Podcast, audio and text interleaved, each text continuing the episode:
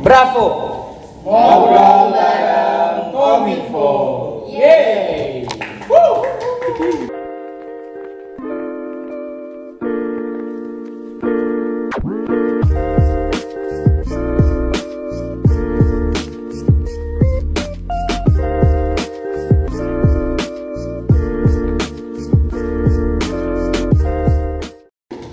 Halo teman-teman semua, Eh, kembali lagi di Bravo episode kedua yaitu ngobrol bareng Kominfo. Eh, perkenalkan, aku Viko Maharaja dan sekarang aku bersama juga dengan Kementerian Komunikasi dan Informasi Kabinet Gelora Kalpa Sastra. Di sini aku sedang bersama Bang Zaki, Kak Putri, Bang Oan, Bang Ferdi, ada juga Kak Zahra, ada juga Kak Reren dan ada juga eh, Bang Rizko. Nah, kali ini teman-teman eh, podcast dari episode 2 ini eh, Kementerian Komunikasi dan Informasi akan membahas eh, tema yang sesuai judul yang teman-teman baca semua yaitu reality SMA eh, versus kuliah teman-teman semua. Nah, sesuai judul podcast kita pada episode kedua ini teman-teman yaitu reality SMA khusus kuliah di mana transisi SMA dan kuliah pasti memiliki kultur shock yang berbeda. Nah, aku pengen nanya nih eh, ke angkatan termuda dari Kementerian Komunikasi dan Informasi angkatan 21 kepada Zahra. Gimana sih kultur shock eh, antara perbedaan SMA dan kuliah, Zahra? Oke kok, kalau dari aku sih culture shock mungkin ke lebih ekspektasi aku waktu SMA itu kuliah itu lebih bebas, terus kayak kuliahnya cuman pagi sampai siang terus sore udah pulang ke rumah. Ternyata pas udah dijalani, pas kuliah itu kan jadwalnya kita milih sendiri ya. Dan apalagi sekarang aku semester 3, aku udah 24 SKS yang mana aku Uh, setiap hari itu dari pagi sampai sore benar-benar kuliah terakhir kuliah itu sa- sampai jam setengah tuh eh jam 6 jam 6 gitu kan yang mana aku kira waktu SMA itu kayak ya sampai siang eh ternyata sampai sore gitu kan sampai Senin sampai Kamis Bener banget tuh apa yang dibilang sama Zara. Kar- eh, Biasanya kan kalau misalnya SMA atau sekolah gitu Sampai jam 12 siang itu kan kita udah ngelewatin banyak mata pelajaran nih. Sedangkan kalau aku rasain waktu kuliah itu Baru satu matkul 2 SKS aja tuh rasanya udah nguras banyak energi banget. Nggak tahu ya, entah mungkin akunya semakin jompo atau gimana. Benar banget sih Ren, ditambah satu lagi yang perbedaan itu seragam. Kalau di SMA kan kita pakai seragam sekolah kan. Kalau di kuliah nih kita pakai kemeja gitu.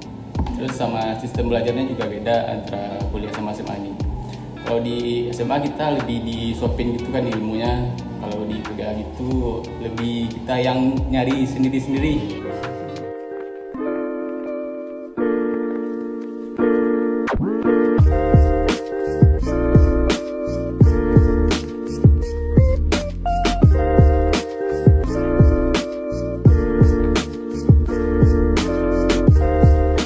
Selanjutnya nih teman-teman semua tadi udah membahas tentang shock culture juga antara SMA dan kuliah. Selanjutnya ini mungkin lebih ke tentang perkuliahan teman-teman semua.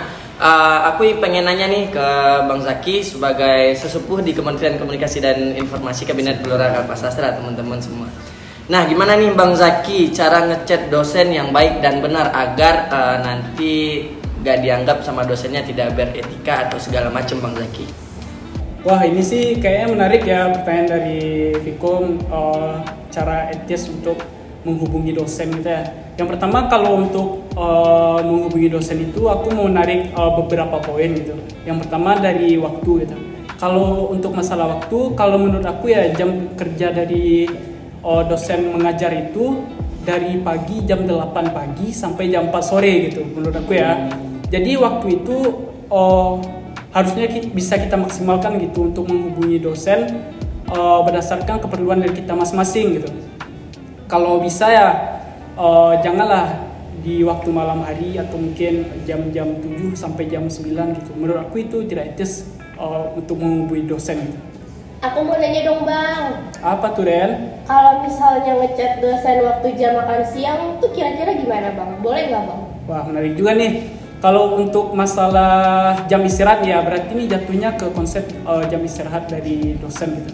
Kalau menurut aku ya sama kayak konsep jat, kayak konsep yang tadi ya kayak jam kerjanya gitu.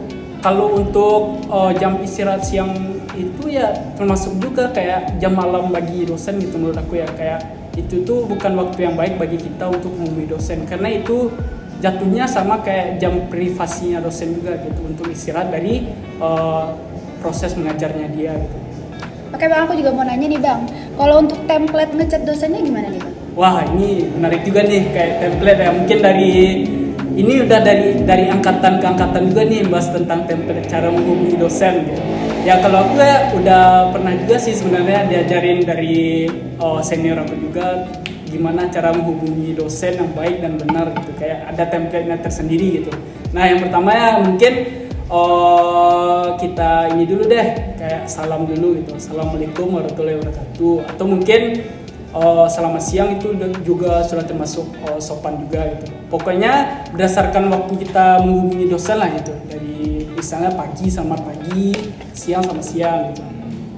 Nah yang pertama kan oh, kita sebut dulu salam atau selamat pagi atau selamat siang atau selamat sore gitu Nah selanjutnya kita sebut uh, perkenalan diri dulu nih. Uh, kan nggak mungkin juga kan kita langsung chat-chat. Mana tahu dosennya nggak kenal sama kita. Ini siapa sih itu? Kok tiba-tiba ngechat kita gitu kan? Ada baiknya kita perkenalan diri dulu gitu. Perkenalkan nama saya bla bla bla bla bla. Terus kita sebut juga nim kita berapa bla bla bla bla bla. Nah terus kita chat juga nih kayak oh maaf mengganggu waktunya pak bu gitu. Mungkin uh, kayak gitulah gitu Nah, poin selanjutnya kita sebut nih keperluan kita apa. Misalnya kayak menanyakan kira-kira tugasnya ini kan tadi mungkin kayak dosennya kurang jelas dalam menerangkan uh, tentang tugasnya di waktu jam pelajaran. Nah, kita tanya itu keperluannya misalnya oh izin bertanya Pak, oh kira-kira untuk jam pengumpulan tugasnya oh kapan ya Pak, bla bla bla bla dan bla bla bla gitu kayak pokoknya sesuai dengan uh, keperluan dari teman-teman tersendiri lah gitu. Nah seterusnya jangan lupa kita tutup juga dengan ngomong kayak gini kayak oh terima kasih Pak uh, atas waktunya Bapak. Uh, terus kita jawab juga nanti uh, terima kasih assalamualaikum waalaikumsalam eh waalaikumsalam aduh. Aduh wassalamualaikum maksudnya aduh, aduh wassalamualaikum terima kasih. Oh wassalamualaikum warahmatullahi wabarakatuh. Atau bisa juga kayak ngomong Oh, semoga Bapak di, diberikan kesehatan selalu atau Ibu diberikan kesehatan selalu. Pokoknya kita harus sopan gitu. Nah, Bang, aku udah pertanyaan lagi nih, Bang. Apa, Tuan? Gimana kalau kita udah nanya, tapi dosennya cuma ngerit aja, Bang, atau nggak dibales? Oke, ini sering juga sih terjadi di kalangan mahasiswa dan mahasiswi juga ya. Kayak chat kita itu cuma dibaca, cuma centang dua gitu. Dianggurin. nah, kalau masalah tentang dianggurin, Oh, ini nih kayak udah kasus yang sering terjadi juga tuh di kalangan beberapa mahasiswa atau mahasiswi. Kalau menurut aku ya, kalau misalnya kita dianggurin nih, kita misalnya chatnya tuh pagi hari gitu, cuma dibaca aja. Nah, kita tunggu sampai siang dulu, jangan langsung dibalas gitu. Kayak terkesannya kita kayak mendesak dosen gitu, kayak gak sopan gak sih kayak kita hanya mahasiswa gitu kayak uh, mendesak-desak dosen gitu. Ya kita tunggulah jam waktu agak lama misalnya range waktunya itu dua jam atau tiga jam gitu setelah kita mencet pertama kali gitu. Mungkin menurut aku gitu sih on untuk apa menghubungi dosen. Kalau misalnya cuma diriet gitu. Baru diriet chat lagi tunggu waktunya dulu ya? Ya tunggu dulu gitu pak. Jangan langsung kita desaknya gitu misalnya gak dibalas kan. Terus lima menit kemudian kita chat lagi. Nah, kesannya kayak aduh janganlah jangan sampailah kayak gitu. Nanti kita kena sama dosen. Nah makasih bang Zaki karena pertanyaan ini merupakan sebuah juga termasuk ke poin inti karena bagaimana transisi dari SMA ke kuliah uh, semasa SMA untuk uh, chat atau komunikasi dengan guru itu sangat minim Bang Zaki karena uh, sebagaimana kita ketahui jadwal masa sekolah atau uh, masa tugas kita bisa ngumpulin ke kantor sekalipun telat. Nah selanjutnya uh, setelah nanya ke Bang Zaki juga sebagai sesepuh udah nanya juga ke angkatan paling muda di Kementerian Komunikasi dan Informasi aku pengen nanya ke angkatan yang di tengah yaitu angkatan 20 nah gimana sih menurut Kak Putri tentang perbedaan circle teman antara SMA dan kuliah? Oh bahas tentang circle nih kok kalau di SMA tuh kan kita sekelas tuh bareng-bareng selama satu semester eh dua semester ya satu tahun terus dua semester bareng-bareng terus kan. Dan juga satu angkatan itu cuman dikit. Jadi mungkin circle-nya itu itu aja temennya itu itu aja. Nah kalau di kuliah ini karena kita satu angkatan tuh banyak dan juga setiap mata kuliah tuh beda kelasnya teman-temannya beda jadi circle pertemanannya tuh lebih luas gitu loh. Iya iya. Benar Iya benar benar benar. benar. Nah, aku mau nambahin nih Put, kalau di kuliah juga eh, teman-temannya juga beragam dari lain daerah. Kalau SMA kan kita cuma misal kita di Padang nih, paling temenan temenannya cuma sama orang Padang. Kalau kuliah kan ada yang dari daerah lain. Misal kayak Putri sendiri dari Jakarta, terus ada Viko dari Payakumbuh. Nah, gitu. bener bener bener kita jadi lebih banyak uh, kenal teman-teman dari berbagai daerah Iya, juga tahu bahasa bahasanya. Iya, benar. kan? Dari orang luar tahu bahasa bahasa gimana di Padang, orang Padang juga tahu bahasa bahasa di luar gimana. Nah mungkin kita lanjut ke gimana sih uh, kita dapetin teman di awal-awal kuliahan gitu kan kalau misalnya kita di kampus. Kalau misalnya kalau di SMA kan uh, kita tuh karena udah sekelas jadi sering ketemu uh, sampai bertahun-tahun gitu kan. Kalau misalnya di uh, kuliah kan kalau awal-awal ini pengalaman aku, pengalaman aku pribadi sih karena kan angkatan 20 kan online kan ya. Jadi kan kayak sebenarnya dari awal tuh kayak uh, mengira bakalan offline gitu kan dapat uh, pas bakti ketemu ini ini ini tapi kiranya online jadi uh, agak sulit lah ya uh, untuk uh, dapetin teman waktu itu. Tapi uh, kalau aku pengalaman aku pribadi untuk dapetin teman waktu itu uh, ke ini sih uh, apa namanya?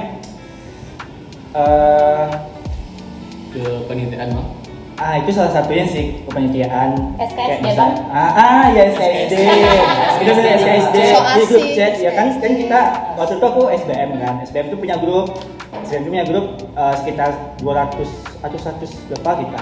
Jadi aku tuh SKSD aja kayak kan kita belum kenal siapa-siapa wajahnya mungkin, mungkin belum tahu. Jadi kayak eh, pengen dapat teman SKSD kita kayak balas-balesin lah chat-chat di grup angkatan. Jadi heboh kita. Jadi di situlah awal-awal eh, dapetin teman kalau misalnya pengalaman bagi waktu itu online kita terus selain itu pas eh, kuliah kan ada buka buka buka kepanitiaan nih. Ada misalnya waktu itu ada perahu ada dekan cup dan lain dari situlah eh, kita dapat kenal langsung gitu kan. Kebetulan pas perahu 2021 itu tuh hybrid jadi bisa ketemu gitu. Jadi di situlah kayak awal-awal dapetin teman gitu.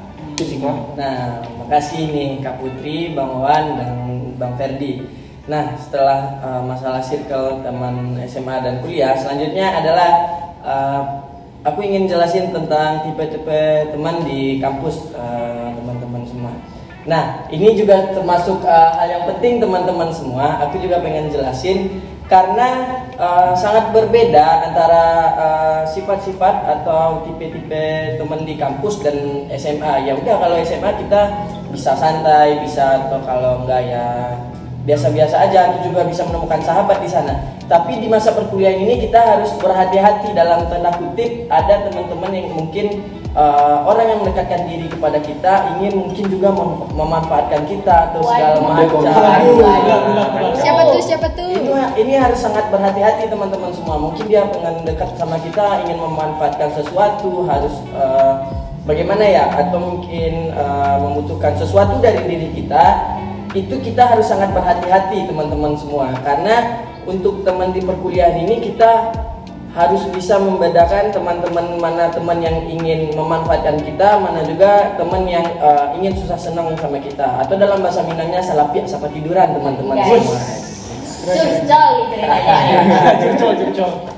Mungkin untuk tipe-tipe teman waktu kuliah ini mungkin ada yang ambis, ada yang caper ke dosen, itu itu pasti ada ya. Pasti Pasti ada. ada kan. Orang off cam semua, dia on cam sendiri. Iya, benar. Ya siapa tahu dia mau on cam aja gimana.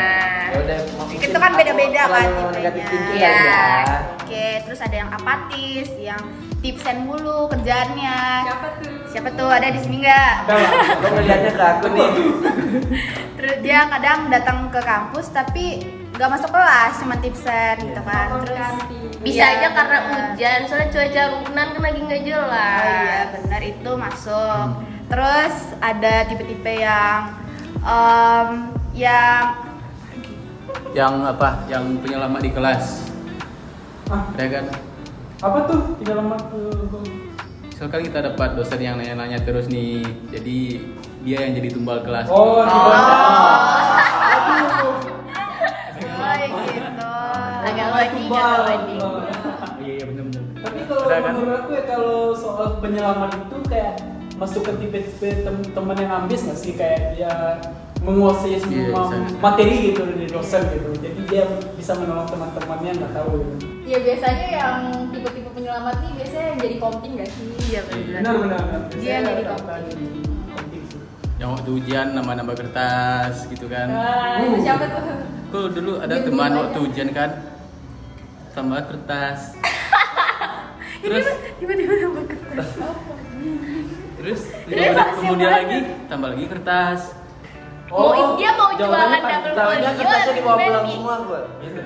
Oh, Semua mungkin- review ke- ke oh, dia ya? maksudnya yang ambis-ambis ini kan biasanya merangkap jadi penting. Nah, waktu ujian kan biasanya teman-teman ini kayak bikin teman mental-mental teman Iya benar. breakdown. kayak breakdown gitu kan kaget tiba-tiba, ih kok udah nambah kertas aja nih gitu. Kita masih satu satu lembar ini udah menambah lagi gitu kayak kita kaget nggak sih gitu kayak. ya, Jadi itu masuknya ke yang ambis apa yang caper tuh bang? mungkin bisa juga di collab itu kayak tipe Dua-duanya ya. Caper iya, Ambis, iya. terus caper bisa juga. Oh agak balance ya. itu unik tuh unik biasanya Terus juga ada terus juga ada yang diem-diem tapi menghanyutkan gitu kan. Nah, Siapa tuh? Nah itu benar banget eh, Zak. Kita harus hati-hati kalau itu. Mungkin di depan kita kayak se friendly itu, Iya, tapi kayak kenyataannya se- di belakang kita kita di muka dua nih Iya di kayak, yang kamu kayak belajar nggak? Enggak aman, tenang. Eh waktu ujian yang paling habis. Nah, kalau aku kayak lebih ke pertemanan luar sih, Zar. Kayak di kampus itu emang sapa baik nih komunikasinya. Tapi kayak di belakang aku, aku dibilang kalau bahasa Minang tongkek bawa rabah lah segala macam. Apa tuh? Apa tuh? Apa tuh? Siapa Apa ya? tuh? Apa Siapa tuh? ya? Aduh nggak ngerti. Apa tuh? Apa Siapa tuh? ya? kayak kayak pemimpin yang Tongkek bawa rabah. Enggak, Tongkek bawa rabah. aku dibilang tongkek bawa rabah, padahal Apa aku nggak ada apa-apa nih. Apa itu? Arti. Arti. Nah, maksud apa. dari tongkek bawa rabah ini kayak seorang pemimpin yang membawa eh, anggota-anggotanya ke dalam sebuah keburukan. Waduh. Kacau sih. Siapa yang bilang gitu tuh? Nah, itu nah dan di sini aku sendiri Viko Maharaja sebagai korbannya Zar. Catat ya nama aku Viko Maharaja Zar. Nah, meskipun banyak tipe-tipe teman yang kayak jahat itu kan atau istilahnya kijang, tapi kita itu bukan berarti kita harus milih teman. Eh, Boleh minum. boleh milih teman, Ya, tapi harus disaring. Jangan Betul. semuanya kita terima gitu yang nggak baik buat kita, kita biarin aja dia semena-mena ke kita. Jangan, nah, kita harus intinya kita tetap harus eh, menyaring teman deh, karena perkuliahan eh pertemanan di perkuliahan itu beragam. Bener banget tuh. Tergantung kita memahami sendiri-sendiri gitu Bang. Ya, tuh.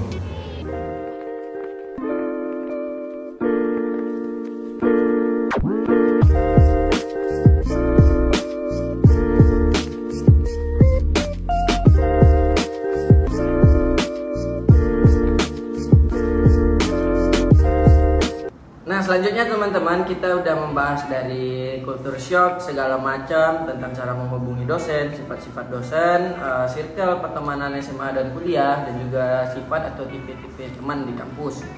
Nah selanjutnya aku ingin membahas tentang gaya dan ciri mahasiswa pura-pura dan kupu-kupu. Nah sebelumnya aku ingin jelas sedikit nih. Pura-pura adalah mahasiswa kuliah rapat kuliah rapat. Sedangkan mas- mahasiswa kupu-kupu adalah kuliah pulang kuliah pulang. Sebenarnya ada satu lagi nih teman-teman semua. Apa tuh? yaitu kupu-kupu mati. Apa? banyak nih di fakultas hukum kuliah pulang kuliah pulang malam party teman-teman.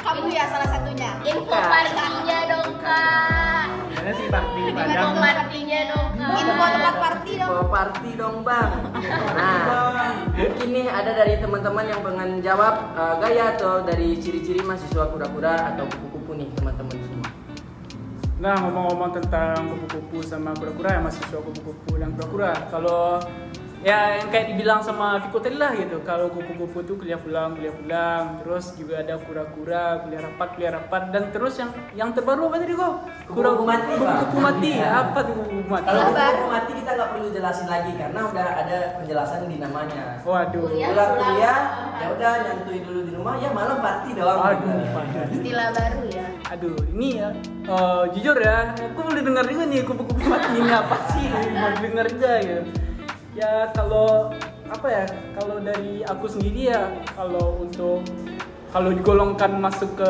mahasiswa yang mana mungkin bisa masukin ke kura-kura lah gitu. Wih, tiga periode. tetapi waktu awal-awal awal-awal maba dulu lah waktu mungkin ini flashback dikit ya. Awal-awal maba dulu eh, aku tuh kayak lebih mencoba untuk menikmati sebagai menjadi sebagai mahasiswa gitu. Kayak menikmati eh, lingkungan yang ada kayak mengenal gedung-gedungnya apa aja gitu kayak berkeliling lah gitu eksplor lah apa yang ada di Unan ini gitu Nah, setelah satu semester berlalu, akhirnya aku kayak lebih memutuskan, oh, memutuskan itulah kayak, ih mau coba nih masuk-masuk ke UKMF atau mungkin organisasi lah yang sedang eh, ada di fakultas kita. Nah, kebetulan juga waktu itu ada UKMF yang oprek tuh. Nah, aku join gitu. Ya, untungnya banyak juga sih benefitnya gitu kayak yang aku rasain dari awal-awal gitu kayak yang hanya awal-awalnya ya nggak ada kegiatan gitu kayak belajar eh, pagi belajar siang belajar sore sorenya belajar terus pulang gitu kan. Nah mungkin yang kekurangan dari aku ya waktu itu ya itu aja sih gitu kayak aku butuh butuh lagi itu kegiatan tambahan gitu ya kayak namanya juga mahasiswa gitu mahasiswa haus akan kegiatan anjas FOMO. mungkin FOMO ya bisa bilang FOMO lah gitu. Kayak nggak mau ketinggalan informasi terbaru lah gitu di lingkungan oh, fakultas gitu. Ya mungkin setelah join gitu kayak awalnya nggak ada kegiatan setelah itu berkegiatan ya asik banget lah gitu. Kayak jangan sampai dilewatkan lah gitu bagi teman-teman. Apalagi khususnya untuk teman-teman dari apa ya teman-teman yang baru masuk di dunia perkuliahan itu angkatan 22 ya teman-teman ya. Maba. Maba 22 gitu saran aku ya jangan masuklah ke UKMF atau organisasi yang ada di fakultas kita. Mungkin kalau misal dari teman-teman kayak boring mungkin yang ada di fakultas boleh juga tuh yang di universitas juga ada gitu. UKMF UKMU universitas. Sesuai minat juga, sesuai ya bakat tentunya juga. sesuai dengan minat juga gitu. Nah bener banget. Eh, Bang, menurut aku nih buat mahasiswa yang kupu-kupu eh, coba deh sekali-sekali jadi mahasiswa pura-pura jangan jangan biarin hidupnya tuh flat aja atau monoton Eh, coba deh masuk organisasi UKMF atau UKMU biar hidupnya ada drama ada masalah ya kayak perdinamikan Ah, mahasiswa iya. gitu ke kampus Mari membuat cerita di masa kuliah. nah ya Ah, mumpung masih Biar muda kan berwarna ya. Iya, mumpung masih muda, masih bisa lah cari pengalaman, cari relasi juga. Iya. Hmm. Tapi itu semua balik lagi itu pilihan ya. Tapi di sisi lain bukan berarti eh, mahasiswa ku- kupu-kupu ini semata kuliah pulang eh, hidupnya mono aja nih teman-teman semua. Bisa jadi mahasiswa kupu-kupu ini di luar perkuliahan dia juga mungkin memiliki bisnis atau fokus di dalam itu itu juga merupakan suatu Atau kerja. semua. Nah selanjutnya ke sesi terakhir dari podcast kita episode yang kedua ini yaitu masuk ke manfaat dari mahasiswa semua. Mungkin uh, di sini dari teman-teman semua ada yang ingin bantu jelasin uh, untuk teman-teman pendengar podcast kita kali ini apa sih manfaat jadi mahasiswa pura-pura teman-teman semua. Nah mungkin kalau manfaat dari kura-kura ya, ini mungkin dari pengalaman pribadi. Kalau manfaatnya yang pertama tuh kayak kita banyak mengenal orang, kita banyak eh, mengenal pribadi-pribadi orang, kita banyak ketemu orang. Yang mana itu kita bisa mengasah soft skill kita kayak komunikasi kita. Yang mana itu tuh juga perlu lah untuk eh, kita ke depannya biar kita tuh dapat berkomunikasi bekerja sama dengan orang yang orang banyak lalu eh, kita juga dapat pandangan-pandangan baru tidak hanya dari kita kita sendiri gitu jadi banyak pemikiran-pemikiran lain yang kita dapetin dari eh, rapat-rapat itu mungkin yang lain ada yang mau ditambahin?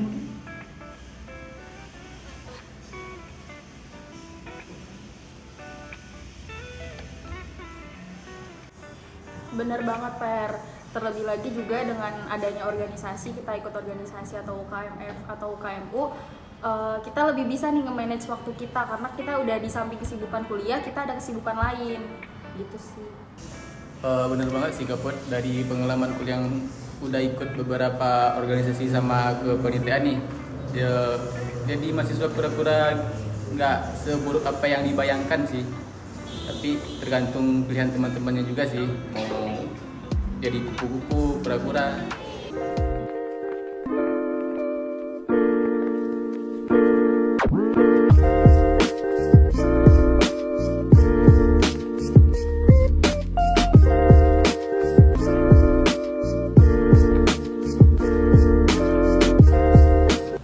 Baiklah teman-teman semua, eh, kami dari Kementerian Komunikasi dan Informasi tadi telah menyajikan dari awal kepada teman-teman tentang eh, eh, show kultur, tentang bagaimana beretika kepada dosen, bagaimana cara menghubungi dosen, perbedaan circle teman-teman dari SMA ke kuliah, juga tipe-tipe teman dan cara dapatin teman di kampus, juga gaya ciri mahasiswa kupu-kupu dan mahasiswa kura-kura, juga sampai di akhir tadi menjelaskan tentang manfaat menjadi mahasiswa kura-kura. Nah, rasanya sudah sampailah kami di ujung podcast kali ini yaitu tentang uh, reality SMA versus kuliah teman-teman semua. Uh, Nggak kerasa udah sampai di ujung juga nih teman-teman. Uh, sekian uh, dari Bravo atau ngobrol bareng Kominfo episode kedua. Uh, mungkin di akhir podcast ini karena dari tadi kita juga banyak membahas tentang uh, pertemanan, aku pengen ngasih quotes nih teman-teman. Apa? Episode pertama dulu, uh, yaitu ialah sahabat sejati adalah orang yang paling terakhir datang kepada kita di saat kegembiraan. Tapi selalu pertama datang di saat kita sedang kesusahan. Berhati-hatilah memilih teman-teman. Berhatilah, berhati-hatilah memilih teman. Uh, ber- bukan berarti semua teman itu jelek atau bukan berarti maksud untuk memilih teman-teman. Kami Kominfo Team pamit undur diri. Sampai berjumpa di podcast berikutnya. Dadah!